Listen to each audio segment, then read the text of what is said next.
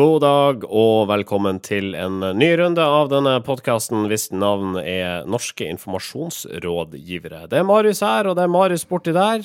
Hei, hei. Og det er Sindre litt lenger baki til venstre. Eh, ja, stemmer det. Ja. Eh, først i denne sendinga. Privatmegleren har fått eh, nytt design. Eh, Profilen inneholder dyrearter fra den norske faunaen. Hver av dem med symbolske og sterke egenskaper, forteller privatmegleren på sine egne nettsider. Eh, og her er musikk jeg mener passende til den nye profilen.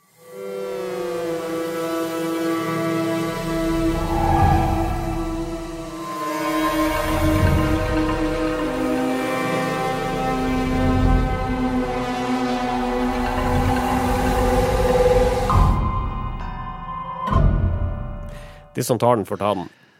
De som tar den, får ta den. Ja. De som ikke tar den, de går glipp av noe. De sitter i Oslo. Jeg, Ja, de jeg er sitter i Oslo. Dette er jo dette er høyt, høyt og høytflyvende, og det er jo egentlig denne profilen også. Ganske sånn høytflyvende, vil jeg si. Eh, Det er, de har da tatt i bruk, eller de, de er veldig opptatt av symbolikk, da. Så de bruker en hjort, som da skal stå for eh, den sofistikerte. Falken symboliserer det presise, mens ulven er konstant sulten.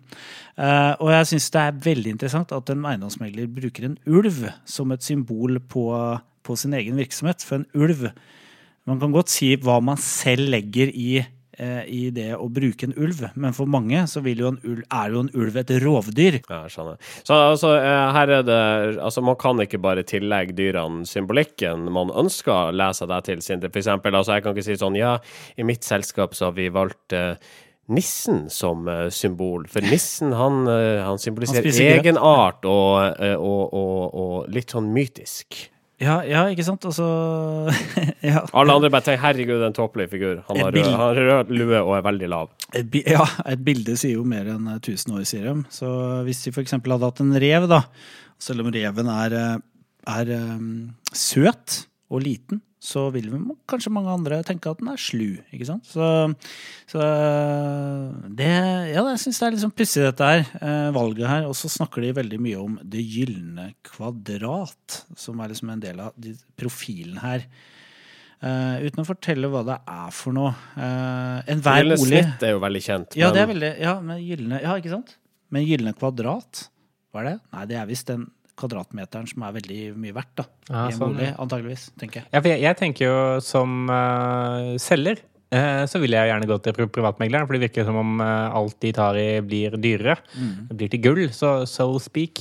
Men som kjøper så vil jeg, har jeg ikke lyst til å kjøpe noe av privatmegleren, for det virker jo altfor dyrt. Eh, Mm. Jeg prøver å kjøpe leilighet nå. Jeg kan, jeg har ikke råd til det. Eh, Men meglere er vel generelt veldig lite opptatt av kjøper. For de tenker at kjøperen trenger jeg ikke markedsføre meg overfor, for de har ikke noe valg uansett. Hvis de liker boligen, så må de, er de bastet og bundet til, øh, til min mast.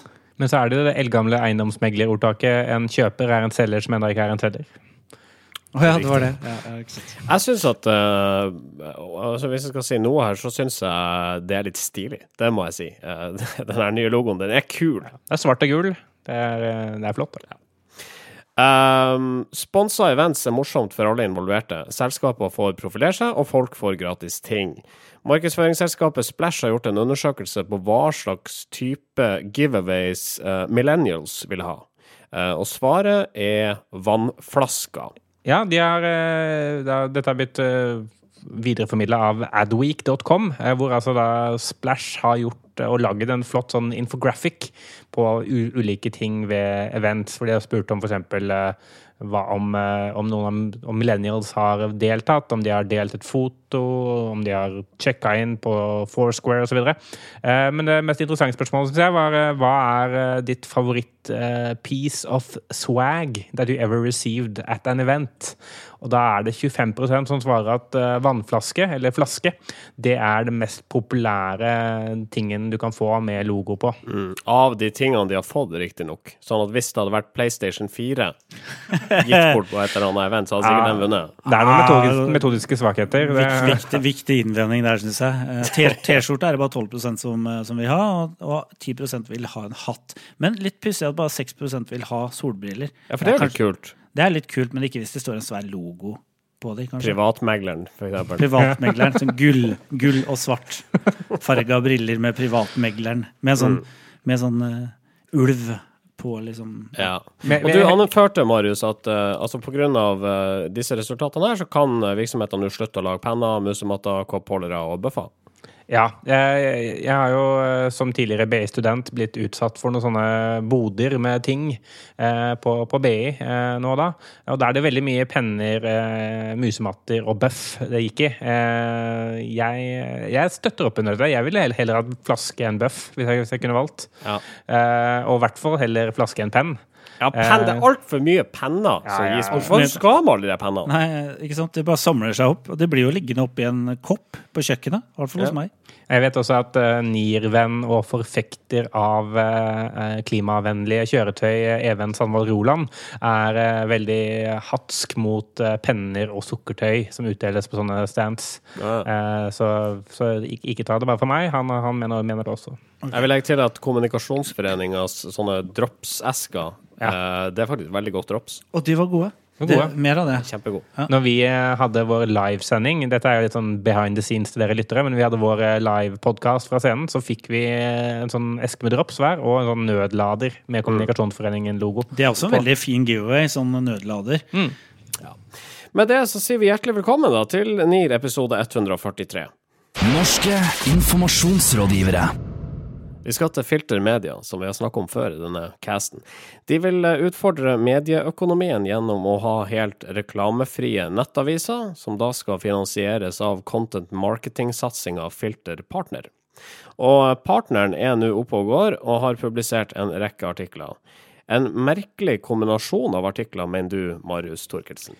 Ja, jeg, jeg ramla over en sånn Facebook-annonse for en sak fra Filter eh, eh, her om dagen. Og det var en Facebook-annonse for eh, penger.no, som har en ny sånn tjeneste hvor, hvor man kan se på et kart hvorvidt man betaler for mye renter eller ikke. Eh, og, og jeg syns eh, liksom, bare inngangen på den Facebook-posten var sånn der Du kan spare opptil 13 000 kroner i måneden! Og så var det bilde av masse penger på hvit bakgrunn. Eh, det virka så sketsjy, da.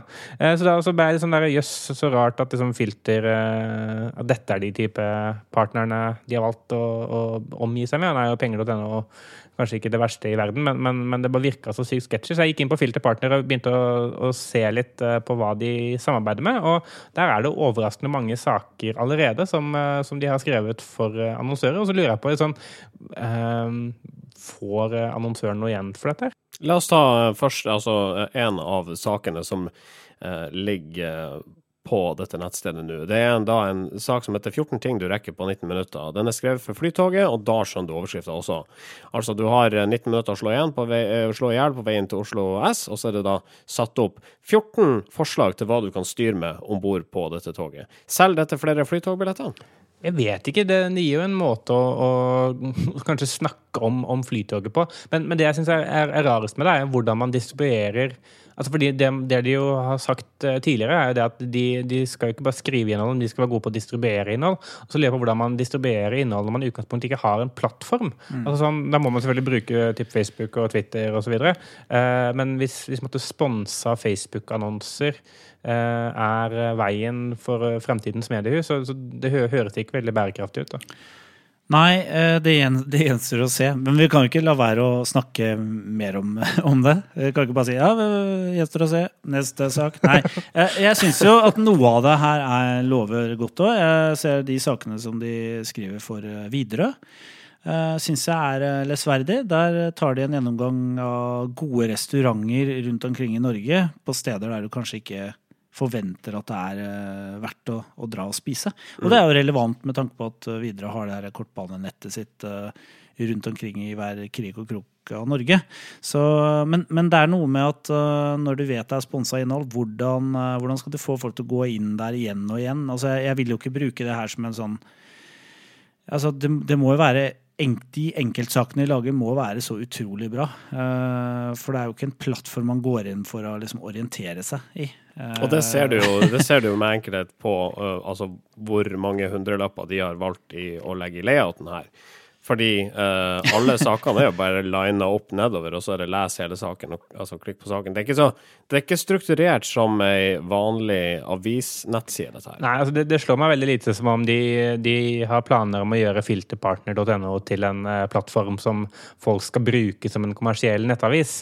Uh, men det er likevel det de sier, da, som at Mm. Filterpartner er Norges mest kommersielle nettavis, og de har et mål om å uh, alltid tilby interessant stoff for leserne, selv om alt er, er betalt. Uh, men men, uh, men, det, men det, det virker ikke som om målet er å få gjentagende bruk av selve siten. Da. Sånn som med den uh, Flytoget-saken, med 19 ting du kan gjøre på 19, 14 ting du kan gjøre på 19 minutter, eller noe sånt, er mye fjas, da. Uh, og, og det blir sånn Hvordan skal vi klare å gjøre Flytoget interessant? Det er, du skal sette deg ned, du skal fram, du skal fra A til Å, du vil egentlig bare at den tida skal svisj gå så fort som mulig. Eh, det blir veldig lang vei da, for å liksom si at flytog oh ja, da, da vil jeg kjøpe flytogbillett istedenfor NSB. Ja, Fordi at, altså, Særlig når man vet at altså, flytoget tar 19 minutter, og så bruker NSB sånn 21 minutter til halv pris. Så du kan ikke akkurat selge på produktets fortreffelighet her. Nei. Nei, og hvis, og hvis uh, innsalgsargumentet er at du rekker mange ting, så rekker du enda mer flere ting på 20 minutter. Så det er sånn, jeg syns ikke det er så valid heller. Uh, så, så, men det, den, den store utfordringen som, som eh, de fleste content-satsingene til mediehusene har, er jo at uh, det er veldig journalistisk drevet. Altså, det syns jeg er en utfordring, i hvert fall. Da, fordi det handler veldig mye om hva slags type godt stoff kan vi klare å lage. Så er det veldig mye folk med journalistisk kompetanse som sitter og lager det sammen med selgere. Så er det veldig få med teknologisk kompetanse som sitter og jobber med det. Som betyr at det er ingen, ingen som jobber med søkemotoroptimalisering, det er ingen som jobber med sånn fornuftige spredningsstrategier ut, utover å legge liksom 1500 kroner på det på Facebook og håpe at det flyr. Det er ingen, ingen som faktisk jobber med å bygge tjenester framfor bare å skrive interessante lister med eh, pseudo-redaksjonelt innhold. Eh, men her er jo faktisk Even Aaseng og Venture Factory inne bak som en av i hvert fall eh, bidragsyterne eller driverne. De er gode på alle disse tingene, så derfor håper jeg jo for deres vegne at Filtermedia Partner kommer til å funke. Eh, og Ja. de har en god forutsetning sånn sett, men, men de må levere mer enn dette her, tror jeg.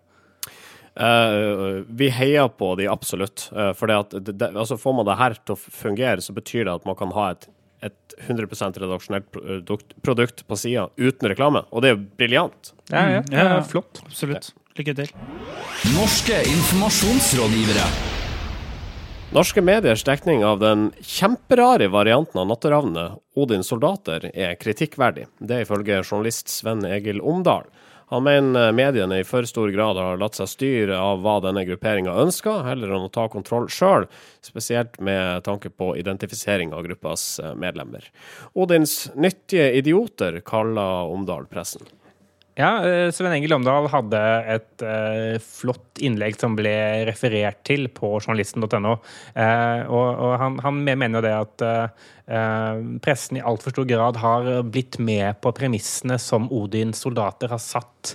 Eh, også vært altfor hissige på å komme løpende til når de først var ute og marsjerte og gjorde noe. At de nesten måtte, på en måte har blitt spilt litt av Odins soldater fordi de trengte å få den medieoppmerksomheten som de til slutt fikk. Ja, og Omdal sier jo blant annet da eh, de kjøper inn uniformer og venter til det blir mørkt, og så ringer de redaksjonen. Og når fotografen kommer, så setter de som forutsetning at de ikke skal bli identifisert, og deprimerende nok går journalistene med på det. Ja, og det er noe ironisk ved det. Tenk deg selv som PR-rådgiver at du skulle så, så solgt inn en sak, og så kommer journalisten og nei, jeg kan ikke fortelle hvem jeg er. Jeg vil egentlig ikke fortelle hvem oppdragsgiver er. Eh, Men jeg vil gjerne at du skriver om meg. Ja, Du kan få lov til å ta bilde av meg med ryggen til. Men ikke sant, det blir jo noe mer, det blir mer mystisk, mer, det er mer kon kontroversielt. Og jeg tror journalistene har, blitt litt forført av det her fenomenet. At ok, nå kommer de hit til byen også, nå må vi skrive om det. Endelig skjer det noe litt annerledes i Fredrikstad og Tønsberg enn det, enn det pleier å gjøre. Så uh, mystikk er nesten et, uh, altså et av disse suksesskriteriene for uh, journalistikk. Ja, det er vel et nyhetskriterium blitt. Altså, og eh, altså Dette er jo bare synsing fra min side, men så kan det ligge et element av frykt her også. Eh, Jeg tenker Ok, journalistene vil eh, De, de møter opp og skal møte og, og intervjuer disse her folka, men tør kanskje ikke utfordre for mye, den anonymiteten. Altså, hvor langt er de villige til å gå for å liksom grave i dette her? Og liksom stille de til veggs, da. Jeg vet ikke om det, det kan jo ligge et element av at uh, det er litt skummelt å dekke, dekke det med dem også. Det får du aldri en redaktør til å innrømme, men det Det gjør det ikke. Anonym spørreundersøkelse. Men, eh, Hvorfor, ja. hvorfor var dere ikke mer kritisk eh, til Odins soldater? De var skumle. Ja, ikke sant? Eh, Den 15 år gamle ringevikaren turte ikke å spørre noe mer. Stille noen flere spørsmål. Så, ja. Ja, men det, det er godt observert der av eh, Omdal. Klar som alltid. Gutenberg. Pergamentrull. Tresko. Brevdue. Elektronikk. Fax. Nintendo 8-bit. CDR. Ja, jeg sender pressemeldingen på Telex. Sindres tidsmaskin. Ja, vi skal eh, ut og reise i rom og tid igjen. Bestyrer Holme, ordet er ditt. Ja, tusen takk for det. Elsker den spalten her, for nå får jeg snakke uavbrutt, eh, i hvert fall, i introen. Jeg pleier å lage introen så lang som mulig, sånn at jeg får, får mest mulig taletid. Um, vi skal, eh, Denne gangen skal vi til eh, 1986. Det er året da Bergen får Europas første bompengering. Garnbåten hør på dette her, Thaigut blir truffet av en brottsjø utenfor Værøy i Lofoten. Båten krenger så voldsomt at alle de tre om bord blir feid på sjøen og forsvinner. Det er veldig trist. Og Lillehammer får avslag på å, å få arrangere de olympiske vinterleker i 1992. Vi skal jo overhodet ikke til Bergen, ikke til Lillehammer. Har ingenting med vinterleker å gjøre. Vi skal til Cleveland, Ohio. eh, som da er en by pyntet til fest. Eh, Her er det en organisasjon som heter United Way, som er en non-profit-organisasjon, en veldedig organisasjon, som bygger skoler og skaffer jobber til folk eh, rundt omkring i verden. Og i 1986 så er da Cleveland, Ohio pyntet til fest og ballonger eh, for å eh, markere et sånt arrangement som United Way står for. Og for å få tilstrekkelig PR rundt arrangementet, så har de bestemt seg for å slippe opp ballonger. Og ikke bare to-tre ballonger, men de har bestemt seg for å slå verdensrekorden i antall ballonger eh, sluppet du opp eh, på, på en gang. For det, for, det, for det er faktisk en rekord. eh, Altså, det føres eh, rekorddata på antallet ballonger sluppet samtidig. Ja, det gjør det. Og den forrige rekorden den ble satt uh, under åpningen av Disneyland i, uh, i Orlando i mm. Florida. Og nå skal da United Ways slippe opp intet mindre enn 1,5 millioner ballonger. Wow. Det er bare ett problem, og det er at det er regnvær. Så det begynner å regne. Hvilket gjør at når de slipper opp 1,5 millioner ballonger, så kommer de tilbake ned på bakken. De går ned mot gatene. Eh, forårsaker eh, trafikkork og, og kaos. Og de eh, blir teppebomber da denne her eh, sjøen som le- eh, Cleveland ligger ved, eh, og hindrer da annet en redningsaksjon som politiet har på elva. Eller på sjøen. Så uh, dette ble ikke noe vellykka ballongstunt. Det ble riktignok, jo. er 1,5 millioner ballonger er verdensrekord. Uh, men det er også verdensrekord i uh, ballongkaos, kan vi si. Jeg syns liksom PR-stunt som slutter i kaos, er en sånn gjengående trend nå i denne spalten her. I hvert fall to-tre ganger. Vi har vært inn- innom det. Det, er, det er litt kjedelig å snakke om PR-stunt som, som går som det skal. Ja. Vi slapp 1,5 millioner ballonger, og det gikk det helt fint, da. Ja, og de føyk opp i, i været. Og alt, alle var fornøyd. Jeg, jeg, kan jeg bare komme med et inn- innspill på tidsmaskinen? Jeg, jeg, jeg savner den tiden hvor vi gjorde det mer til et hørespill. Og vi lata som vi var i den tiden vi dro til, og Se, der borte så er det noen som slipper opp ballonger. Vi kan godt ta den på, på nytt, sånn at vi later som vi er i Cleveland, Ohio. Jeg syntes aldri så veldig mye om den. Nei, det var det, det var det jeg Men, vet. Altså, det, det, var, det var underholdende nok, men det tok jo så djevelsk lang tid. Sånn at jeg har gradvis fasa ut alle de elementene som dere da tydeligvis setter pris på. Så jeg fjerna tidsmaskinlyder. Vi hadde jo lyd av tidsmaskin før. Ja, og det var så gøy. Ja. Jeg er sikker, jeg Ja vet da, ikke det var ja. gøy, det var.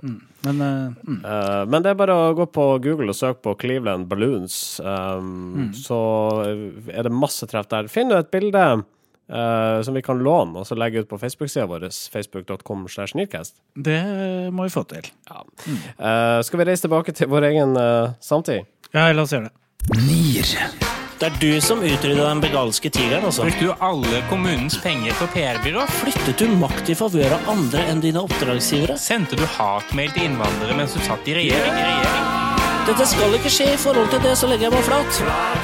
Det var ikke meningen at du skulle finne ut det. Jeg legger meg flat. Nå ble det veldig mye negativ presse. Jeg legger meg flat. Jeg tar dette til etterretning og legger meg paddeflat. Jeg legger meg flat. Flatindeksen. Det er mars, mørketida er snart over, og det går mot vår. Men viktigere enn alt dette her er at vi har forlatt februar. Det betyr at det nok en gang er klart for flatindeksen her i Norske informasjonsrådgivere. Marius Torkelsen. Hjertelig tusen takk. Det har jo vært en eh, februar som har vært lengre enn eh, 75% av andre februarer vi opplever. Eh, på mange måter, hvis man deler den inn i fire års sykluser. Eh, fire år er lang tid, men det har ingenting med denne spalten å gjøre, så jeg går videre. Eh, vi har jo lenge eh, tenkt på at det er viktig at virksomheter, dyr og idrettspersonligheter i mindre grad legger seg flat eh, når de gjør noe galt, og at man i større grad eh, viser handlekraft og hva man ønsker å gjøre, framfor bare å si 'jeg legger meg flat' eh, og håpe at det blåser over. Derfor så teller vi opp hvor mange som legger seg flat på jevnlig basis, og kårer en slags sånn tre flateste. Ja. Og vi har en teori, eller det var i hvert fall det var arbeidsteorien da vi starta med dette her, at uh, ved konstant å gi oppmerksomhet til og, og delvis gjøre narr av eh, flatlegging som eh, PR-grep, så kommer vi til å få redusert antallet flatlegginger i en gitt måned. Men hvordan ser tallene ut for februar? Ja, vi hadde også en teori på at vi skulle få betydelig flere lyttere enn det vi har fått. Eh, så det er kanskje derfor det ikke har funka. Men eh, vi, har- vi, har, eh, vi har 32, eh, som er fe- februartallet. Og for dere faste lyttere vet dere at det er ikke tall jeg er kjempefornøyd med. Det innebærer mye jobb for meg. I opptelling og gjennomløsing. Ja, for det, det er en del arbeid. Hvordan går det fram? Nei, Jeg går inn eh, i eh, Retriever, eller tilsvarende medieovervåkningsverktøy, eh, og søker på forskjellige varianter av 'legger meg flat', 'legger oss flat', 'la oss flate', osv. Mm. leser gjennom det jeg finner, og, og ja. Det er unike treff, dette her. Det er unike treff, så ofte får jo én flatlegging flere oppslag. Så de, de tar vi jo bort, da. Så reelt sett var det over 101 treff på, på de kombinasjonene der. Uh, All right. Nei, men eh, vi tar for oss uh, den uh, rare lille pallen, og vi begynner med en tredjeplass. Tredjeplassen eh, den går til alle som prøver seg på å lage sushi som selges i dagligvarebutikker. Eh, Det er da egentlig da de tre største aktørene, Sakura Sushi, Fisksentralen og Lille Asia, som, eh, som er på den mottagende enden her i, på tredjeplassen. Og det er fordi TV 2 og Forbrukerinspektørene, som går på NRK, så det var et dameprogram, TV 2 hjelper deg, de valgte å gjøre en test på så, såkalt butikksushi. Eh, og da satte de sammen et panel bestående av sushikokk Jonathan Romano, fiskeriminister Per Sandberg og ekteparet Terje og Yumi Alsaker. Eh, Ja vel. ja, det skjedde. Um, de, de prøvde da å spise butikksushi. Eh, og det jo, dette var en av de første liksom, opptredenene i media Per Sandberg hadde som fiskeriminister. Eh, og det endte jo med at han ikke orket å svelge eh, sushien fra eh, Lille Asia. Eh, og alle de andre aktørene fikk også terningkast én på den testen, fordi butikksushi er djevelens verk. Eh, det endte jo med at eh, Lerøy, da, som produserer sushi for Lille Asia, eh, de måtte være en av de som svarte for seg, og de sa de, at de la seg helt flate, og påstod at de var utrolig lei seg for at de lagde sushi med så ræva kvalitet. De synes det er trist, og de skulle prøve å lage et produkt som er trygt og godt, sier produktutviklingssjef Fredrik Hald. Men det, de har vel tvilsomt snudd opp ned på oppskrifta si bare fordi Per Sandberg brakk seg av sushien? Nei, altså det går jo ikke an å lage ikke-fersk sushi eh, og forvente at det skal smake noe annet enn tørris. Eh, så jeg vet ikke helt hva de skal gjøre annet enn å slutte å lage sånn sushi. Det hadde vært det riktige grepet. Beklager, Det vært, eh, vi slutta nå. dette, dette går ikke. Og gøy så lenge det varte. Men, eh, men det må jo være forferdelig når liksom den øverste maktpersonen på fisk i Norge spytter ut maten din. Det er en dårlig PR. Det, Kjempedårlig PR.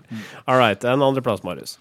Andreplassen den går til AUF, og rettere sagt AUF i eh, Bergen. Eh, Fordi eh, de fikk en del kritikk i februar på bakgrunn av ververutinene sine. Her var det da spesielt en mor som, som hadde opplevd det at hennes døtre ble oppsøkt av AUF-ververe, som, bare- som hadde sagt til døtrene at hei, har dere lyst til å få billigere skolebuss og eh, billigere bøker på skolen? Da trenger de bare å gi oss ti kroner og skrive under her, så blir det sånn. Eh, det de unngikk å, være, å si, var at de kom fra AUF, da. Eh, så disse unge jentene hadde endt opp med å skrive under på dette skjemaet, og fikk et brev i posten noen dager senere. Hei, velkommen til AUF. Nå er du eh, medlem. Men AUF får i hvert fall tilsvar i, i denne artikkelen som handler om dette her, og, og legger seg flate. Eh, eh, de sier det at for oss er det viktig at våre medlemmer som er ute og verver, er tydelige på at de kommer fra AUF, og at de forteller hva organisasjonen vår er, og hva de står for. Det sier altså da Ragnhild Kraski, Kaski eh, i en e-post til Dagbladet, som skrev denne saken. Mm. Og håper at de skal rette opp i rutinene, uten at de nevner hva den opprettelsen er. Riktig, det er det vi sa her. Ja. Og da glir vi rett over til februars flateste. Ja, februar eh, måneds eh, flateste, Marius, det er eh, Romerikets Blad. Fordi der skrev valganalytiker og Twitter slash Cecilie Staude-venn Svein Tore Martinsen en kommentar, en slags sånn valg, politisk valganalyse av hvordan stemningen igjen har snudd fra blått, blått til rødt grønt osv. Eh, og, og konsekvensen det har for de borgerlige partiene. Eh, til dette, denne saken så trengte jo Romerikes Blad en illustrasjon, eller et bilde, som var relevant for settingen. De valgte da bilde av det de trodde var Siv Jensen i leppestiftkjolen fra Monajens-talen. Eh, det viste seg, etter at dette var, kom på trykk, at det bildet var av Bjarte Hjelmeland, som spilte eh, Siv Jensen med den samme kjolen. Eh, komiker da Bjarte Hjelmeland der, altså. Eh, Lars MJ Hansen, som han tydeligvis kaller seg, eh, sier det at eh, sjelden har vi i Romerikes Blad hatt bedre, hatt bedre eh, bruk for ordet inkurie. Vi legger oss flate og beklager at vi blingsa og valgte feil bilde, men velger samtidig å le av det hele. Det var oppsummeringa i flathet februar måned. Takk til deg, Marius Torkelsen. Vær så god, Marius Det er du. Norske informasjonsrådgivere.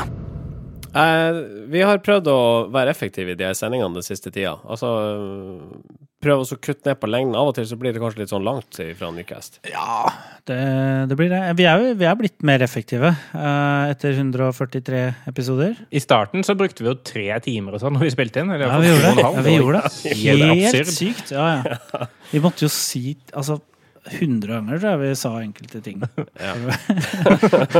Men vi var veldig opptatt av at ting skulle presenteres korrekt. Vi er ikke så nøye på akkurat den biten lenger. Nei, vi er ikke det. Men vi har aldri hatt flere lyttere, så Nei, det er sant. det er tydeligvis bra. Uh, folk liker vel ikke den glattpolerte utgaven han gir. De liker den litt sånn De liker oss litt rufsete i kantene. Jeg tror det. Ja. Ruglete nier. Ja. En uh, kort spørreundersøkelse her på lufta. Altså, liker du A. Langere episoder? B. Kortere episoder enn dem jeg nå beskriver som lang i alternativ A? Eller C. Jeg hører ikke på NIR. Og hvis C. Hvordan kan du svare på en undersøkelse presentert for deg kun i en podkast du hevder ikke å høre på? Jeg lurer spørsmålet. A. Du fikk referert spørreundersøkelsen av en venn. B. Du løy. C. Du er en av oss. Ja.